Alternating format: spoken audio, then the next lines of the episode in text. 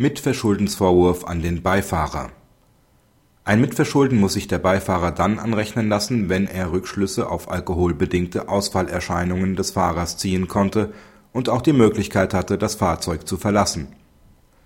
Der Vater des Klägers wurde als Beifahrer im Fahrzeug des Beklagten getötet.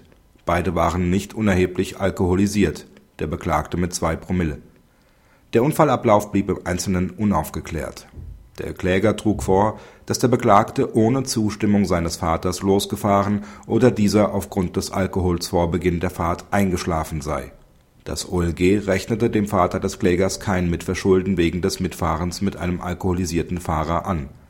Nach der BGH-Rechtsprechung kommt es für die Frage, ob der Geschädigte die Einschränkung der Fahrtüchtigkeit kannte, darauf an, ob und in welchem Umfang der Fahrer in Gegenwart des Geschädigten alkoholische Getränke zu sich genommen hat oder welche Ausfälle in seinem Beisein der Fahrer gezeigt hat, die auf eine alkoholbedingte Fahruntüchtigkeit schließen lassen.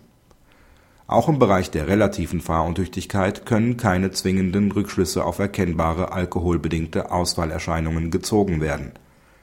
Das OLG weist darauf hin, dass zwar streitig ist, ob bei einer absoluten Fahruntüchtigkeit der Anscheinsbeweis hinsichtlich der Erkennbarkeit der Alkoholisierung angenommen werden kann dies konnte aber hier dahinstehen, zumal unstreitig war, dass der Vater des Klägers die Alkoholisierung des Beklagten kannte.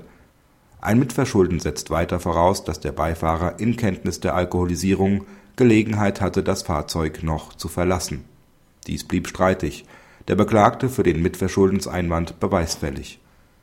Praxishinweis Derjenige, der den Mitverschuldenseinwand gemäß § 254 BGB erhebt, muss diesen auch beweisen Hierfür reicht nicht schon die Kenntnis von einem Alkoholkonsum des Fahrers aus, die Kenntnis muss dahin gehen, dass ein sicheres Führen des Fahrzeugs nicht möglich ist.